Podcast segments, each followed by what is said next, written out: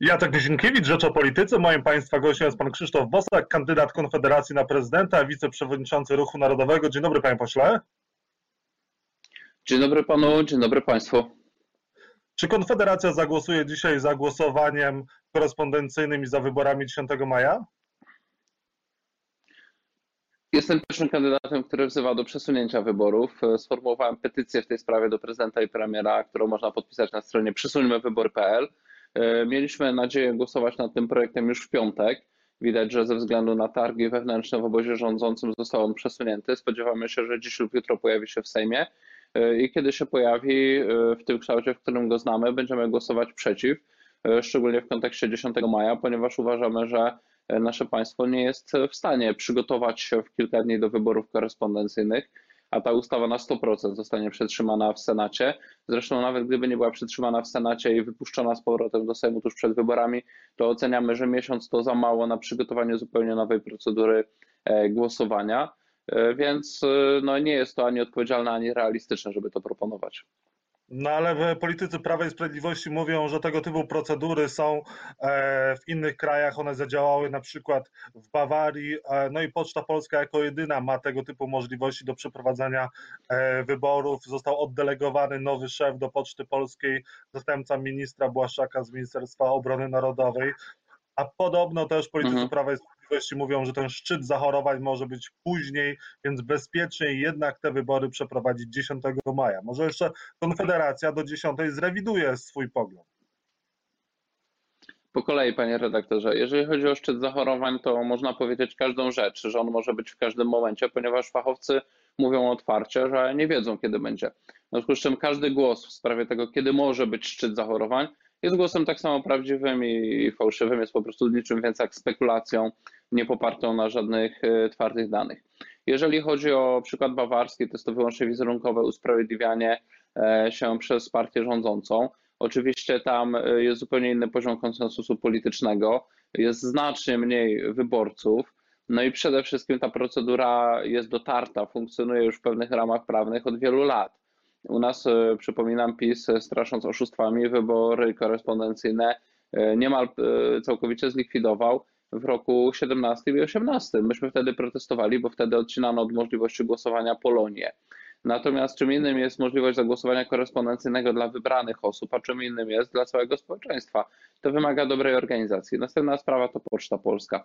Do organizacji wyborów w formule niewymagającej obecności w komisjach na dobrą sprawę, kiedy ja przyjrzałem się, jak działa model bawarski, to Poczta Polska nie jest nawet potrzebna, więc być może te zmiany, które PiS zrobił w tej chwili, usuwając tak na marginesie moim zdaniem dobrego szefa Poczty Polskiej, e, pana Sypniewskiego i zastępując go wiceministrem obrony narodowej, nie wiem na jakiej podstawie zakładając, że co on teraz będzie tam żołnierzy wprowadzał do Poczty Polskiej, czy co, to naprawdę wygląda dziwnie.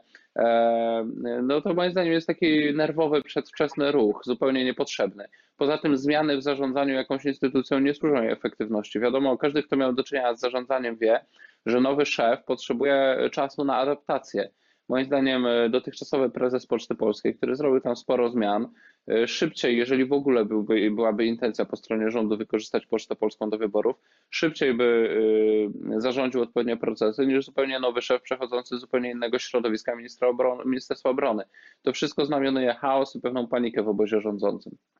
No to może Konfederacja podpisze się pod planem Jarosława Gowina, żeby zmienić konstytucję, przedłużyć wybory o dwa lata, Andrzej Duda niech będzie prezydentem przez 7 lat i te wybory odbędą się dopiero za dwa lata. To nie jest lepsze rozwiązanie?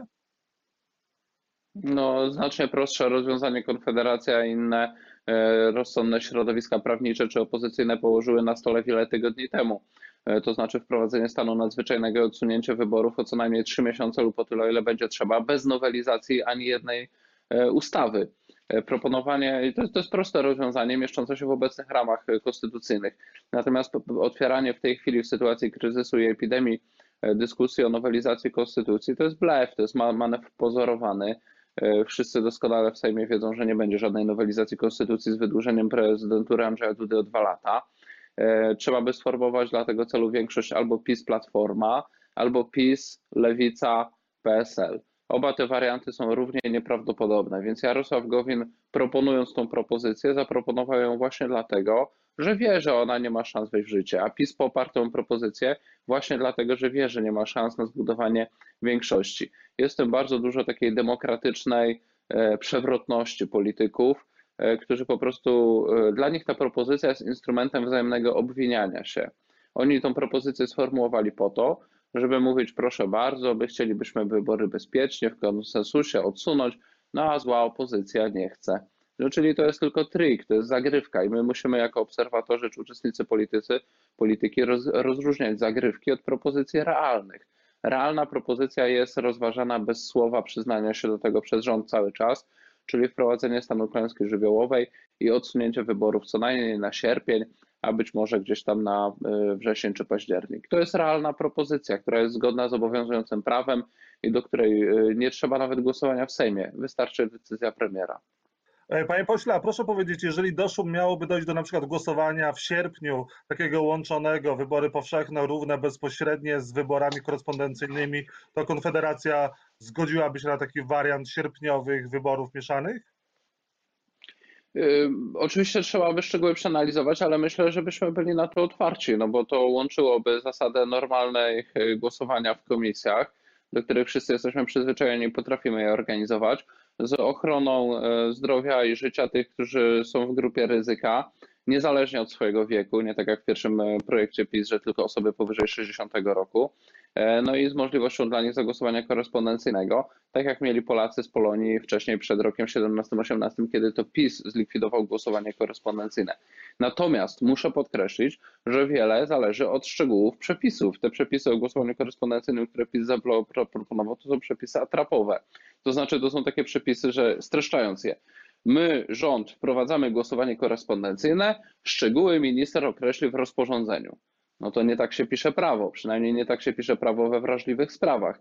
Jednak wypadałoby, żeby różne istotne kwestie związane z całą procedurą głosowania były określone w ustawie, a nie w rozporządzeniu, które minister może w każdej chwili zmienić. Także tu też chodzi o jakość prawa i z tą jakością prawa to się zderzamy i przy tarczy antykryzysowej, która wygląda jak brudnopis, e, i przy mm, tych w tej chwili rozporządzeniach ograniczających swobody obywatelskie, że jest w tym wielki chaos i interpretacyjny, i legislacyjny. E, no po prostu musimy traktować się wszyscy poważnie. Czasem e, dobrze jest zaproponować jakąś rzecz dzień czy dwa później, ale jednak pozwolić prawnikom napisać to prawidłowo, no bo później przecież to prawo miliony obywateli mają stosować, a szczególnie przy wyborach konsekwencje jakichś błędów mogą być bardzo poważne, łączyć się z podważeniem wyników, protestami wyborczymi, czy po prostu podważaniem legitymacji prezydenta, niezależnie kogo wybierzemy. No to są poważne sprawy.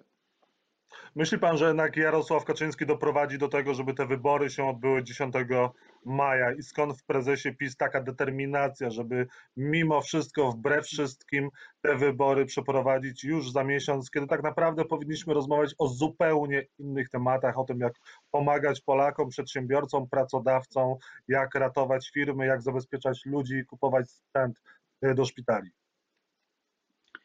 Myślę, że wybory ostatecznie zostaną przełożone, że Jarosław Kaczyński, jeśli nie z powodu wsłuchania się w argumenty, to po prostu ugnie się pod presją dostarczanych mu badań opinii publicznej, pod presją członków własnego obozu. Wiemy, że po cichu część ministrów w rządzie się buntuje. Wiemy, że były naciski na ministra Szumowskiego, który nie chciał nigdy powiedzieć, że ten termin 10 maja jest bezpieczny. Więc myślę, że to są e, jednak poważne okoliczności, które Jarosław Kaczyński jako wytrawny polityk ostatecznie weźmie pod uwagę i niechętnie, bo niechętnie, ale ugnie się i przesunie te wybory. Natomiast odpowiadając na pytanie, z czego wynika jego determinacja, no moim zdaniem z dwóch rzeczy. Po pierwsze, z obawy przed tym, że społeczeństwo odczuje kryzys gospodarczy, słusznej obawy, bo społeczeństwo już odczuwa, już poszły pierwsze zwolnienia, już poszły dziesiątki tysięcy zawieszeń działalności gospodarczej, pójdą i niestety, niestety ubolewam nad tym ogromnie bankructwa firm.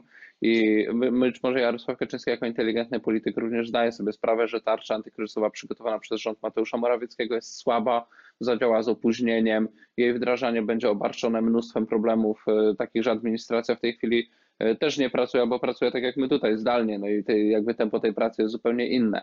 E, z drugiej strony, moim zdaniem, Jarosław Kaczyński jest człowiekiem, który zawsze w pewien sposób dobrze czuł się w twardym zarządzaniu przy pomocy metod administracyjnych, prawnych. I ta obecna sytuacja to jest taka sytuacja, w której on się czuje jak ryba w wodzie.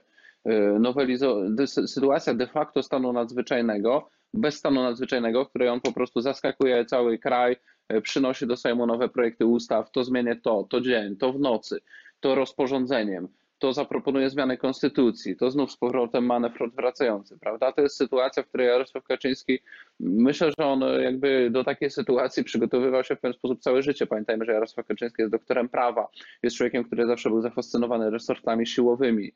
Wprowadzanie w tej chwili właśnie e, w różne miejsca, czy to ludzie ze służb, czy z wojska, czy z policji, e, to, to, to są takie twarde kompetencje władzy a, a, gospodarka nigdy nie interesowała Jarosława Kaczyńskiego. Wystarczy prześledzić jego wywiady, jego wystąpienia. To, co go interesowało, to organizacja państwa, te właśnie instrumenty władzy. No i w tej chwili on ma ten cały arsenał na stole i, i coś jeszcze, czego politycy demokratyczni nie mają prawie nigdy, a mianowicie 80% akceptację opinii publicznej, żeby zrobić wszystko, cokolwiek rząd wymyśli. Mhm. Ma pan takie poczucie, że rząd nie chce wprowadzić stanu klęski żywiołowej, ponieważ boi się e, odszkodowań i nie stać budżetu państwa na rekompensaty, tak jak mówił też Jarosław Gowin? Nie, moim zdaniem to jest podobnie jak przykład bawarski, to jest wyłącznie linia e, argumentacji na potrzeby urabiania opinii publicznej. E, trzeba zdawać sobie sprawę, że ta odpowiedzialność majątkowa za straty jest określona w ustawie i tak samo jak e, ustawę o stanie mm, epidemii można zmienić w każdej chwili, jak kodeks wyborczy rząd pokazuje nam, że może zmienić w każdej chwili, e, tym, tym łatwiej jest zmienić ustawę o tej odpowiedzialności. W związku z czym, jeżeli tam są jakieś zagrożenia, to dziś na posiedzeniu Sejmu ta ustawa powinna zostać znowelizowana. I jeżeli tego nie robimy, to to jest oskarżenie ze strony wicepremiera Gowina do jego własnego rządu, że ściągnął, e, że utrzymuje nad naszym krajem zagrożenie. Natomiast ja osobiście uważam, że to nie jest zagrożenie. Ja tę ustawę dzisiaj w nocy sobie przeczytałem. Ta ustawa składa się z jednej strony i ta ustawa sprowadza się do tego, że e, ci, którzy ponieśli straty, mogą złożyć wniosek o odszkodowanie do wojewody. Właściwy jest wojewoda dla miejsca, gdzie prowadzi się firma, a jak nie można ustalić, gdzie jest firma, to wojewoda mazowiecki.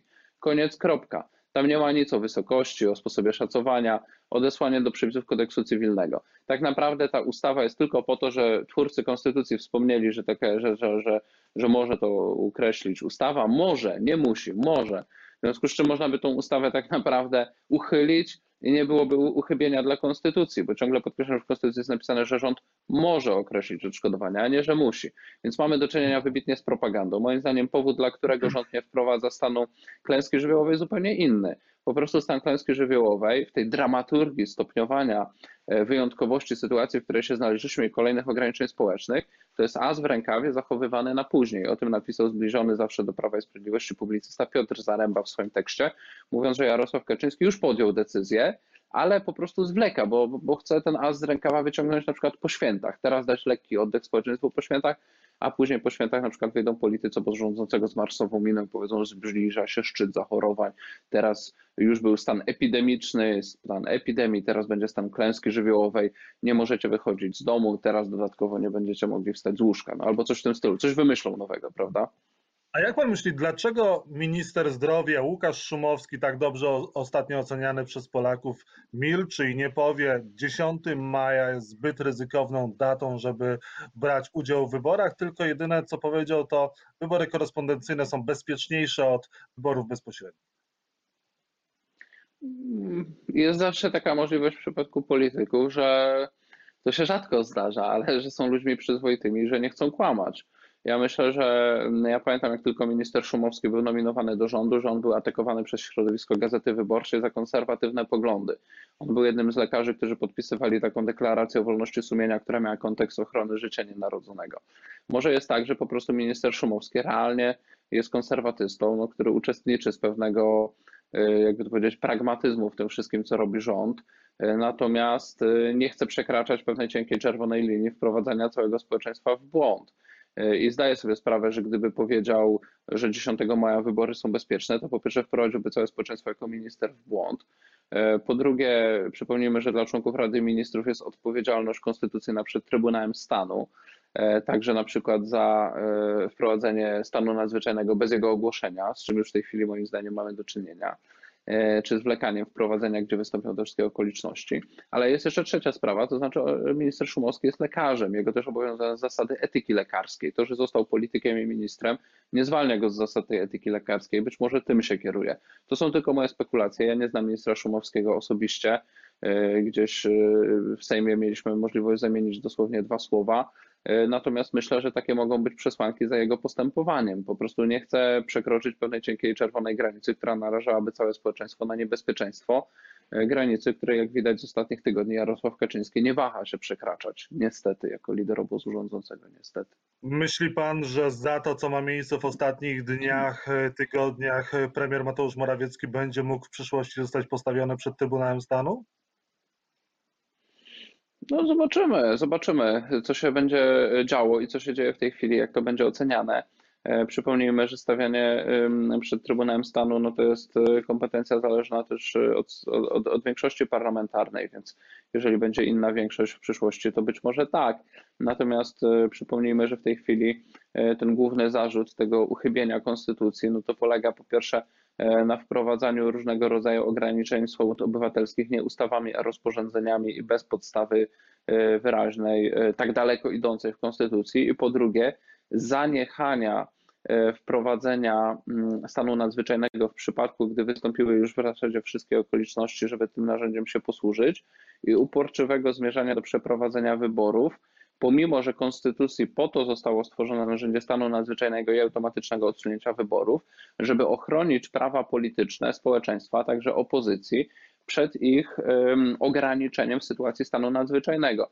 Jeżeli e, kontrkandydaci prezydenta Andrzeja Dudy de facto nie mogą prowadzić żadnej kampanii wyborczej, a obóz rządzący, mając swojego prezydenta, zmierza do jego reelekcji, to to jest taka sytuacja, której rząd de facto zmierza do ograniczeń praw politycznych e, tej części społeczeństwa, która popiera innych kandydatów i sił opozycyjnych. No inaczej tego się nie da nazwać. Dlatego ja apeluję, żeby przedstawiciele obozu rządzącego jednak E, powściągnęli swój apetyt polityczny, zajęli się e, zarządzaniem sytuacją w ochronie zdrowia, która jest bardzo trudna i lekarze nie mają łatwej sytuacji w wyniku wieloletnich zaniedbań i zajęli się pomaganiem przedsiębiorstwom realnym, a nie pisaniem nowych procedur dla urzędników, tylko dostarczeniem kapitału obrotowego i zdjęciem ciężaru z przedsiębiorców a nie majstrowaniem przy prawie wyborczym i zmierzaniem do przeprowadzenia wyborów pilnego już w maju. E, dajmy sobie czas. Wszyscy mówią, że koronawirus jest nowy, że ta epidemia wymaga, żeby ją poznać. Nie ma szczepionki, nie wiemy nawet, jak się ten wirus będzie adaptował do zmiennych e, temperatur, czy na przykład nie odpuści w momencie, gdy przyjdą jakieś upały. E, więc po prostu dajmy sobie czas, nie przeprowadzajmy wyborów w tak wyjątkowym i trudnym czasie, kiedy całe społeczeństwo jest naprawdę przestraszone to, że 80% e, ludzi mimo błędów i bałaganu w polityce rządu akceptuje wszystkie wprowadzane ograniczenia, e, taki sondaż dzisiaj przeczytałem, no to wynika w oczywisty sposób z tego, że ludzie oglądają przekazy medialne i się po prostu mocno przestraszyli. I z tym strachem społeczeństwa nie można igrać, bo społeczeństwo dziś przestraszone e, za kolejne tygodnie czy miesiące, jak poczuje kryzys, może być bardzo mocno wkurzone i koszty tego może ponieść obóz rządzący. Obóz, któremu dziś wydaje się, że może manipulować niczym władca marionetek nastrojami społecznymi przy pomocy mediów e, kontrolowanych przez rząd jak TVP czy programy Polskiego Radia e, i różnych tam usłużnych e, publicystów. No to jest, ja to nazwałem, że to jest zabawa z zapałkami w składzie prochu. Nie należy tak się bawić. I na koniec tarcza antykryzysowa, ona jest odpowiedzią na potrzeby przedsiębiorców i pracowników na czas kryzysu?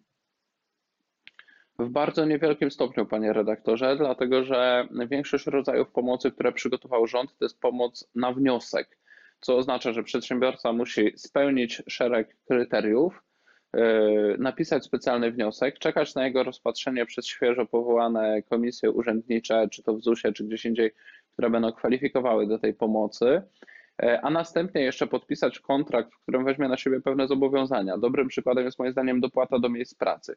Teoretycznie mhm. fajny instrument, ale po pierwsze, rząd pod naciskiem związków zawodowych stwierdził, że będzie dopłacał firmom wyłącznie tym, które zdecydują się obiecać, że nie zmienią swoich stanów zatrudnienia, co w sytuacji kryzysu powiedzmy byłoby do zaakceptowania dla przedsiębiorców, gdyby ta dopłata od rządu wynosiła 100%, tak, albo nie wiem, 80%, ale jak ma wynosić 40%, to większość ciężaru e, ponoszenia wynagrodzeń ma być na przedsiębiorcy, mniejszość na rządzie i jeszcze przedsiębiorca nie wiedząc co będzie, bo nikt w przedsiębiorstwach nie wie co będzie. Do mnie też dzwonią znajomi, którzy prowadzą, yy, mówią no chyba to się zaraz skończy, no przecież musimy wrócić jakoś do pracy, musimy mieć sezon na przykład, nie wiem, w branży turystycznej, hotelarskiej czy innej.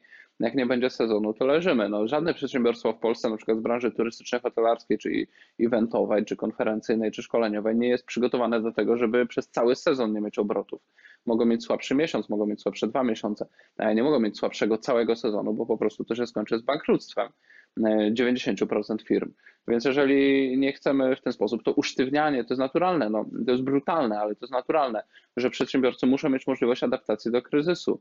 E, I, e, no i oczywiście e, Oczywiście pomoc zaproponowana też przedsiębiorcom jest, jest słaba, to znaczy przede wszystkim brakuje ciągle dostępu do kapitału obrotowego szybkie e, pożyczki, e, szybkie kredyty nisko oprocentowane albo nawet ujemnie oprocentowane, które mogliby brać e, przedsiębiorcy po to, żeby przetrwać. Takie kredyty już rząd niemiecki dostarcza swoim przedsiębiorcom, a nasz rząd obraduje w tej chwili, że będą przesyłki pocztowe otwierać. No, to nie zmieni stanu naszej gospodarki, jak zrobią jakieś tam elektroniczne doręczenia. Także mi się wydaje, że rząd po prostu poszedł za szeroko. Należało się skupić na kilku bardzo prostych narzędziach, które dałyby ulgę przedsiębiorcom już w marcu a mamy kwiecień i rząd e, przygotował 24 nowe procedury administracyjne i 170-stronicowy podręcznik do nich, a moi znajomi, którzy prowadzą jakiś biznes, są na etapie zastanawiania się, czy szukać kancelarii prawnych po to, żeby próbować negocjować z bankami umowy o renegocjację kredytów i leasingów. To jest rzecz, którą rząd w ogóle się w tarczy nie zajął. W tej chwili grupy finansowe, które mają e, leasingi i, i duże banki, które mają umowy kredytowe, proponują i obywatelom, i przedsiębiorcom aneksowanie niekorzystnych umów. I rząd z tym niestety nie zrobił nic, a powinno być jak w innych państwach obowiązkowe wakacje kredytowe i leasingowe. Pod, no, ostatnie pytanie. Potrzebna jest tarcza antykryzysowa 2.0 i również e, tarcza e, dla samorządowców. O co ci samorządowcy proszą? Tarcza to jest hasło. Tarcza 2.0 to jest hasło. Potrzebne są dobre rozwiązania, które działają na zasadzie automatyzmu, które przynoszą realną ulgę przedsiębiorcom, nie zajmując się ich selekcjonowaniem.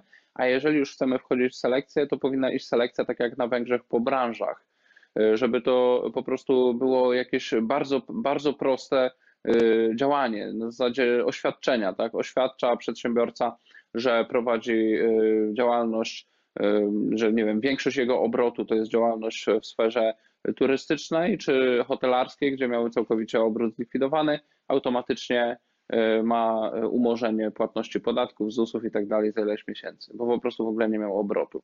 Tego typu rozwiązanie. To jest konkret. A czy to nazwiemy tarcza 2.0, czy to nazwiemy super tarcza, czy jak Kosiniak mówi, nazwiemy tu tarczą tytanową, no to to są, panie redaktorze, to jest retoryka. My się musimy skupiać na frazeologii, na, na istocie sprawy, nie na frazeologii.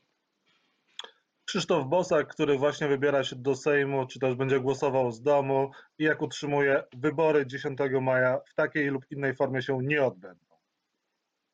Wierzę, że zostaną przesunięte. Dziękuję bardzo panie redaktorze za Dziękuję rozmowę. Pozdrawiam serdecznie widzów Rzeczpospolitej. Wszystkiego dobrego.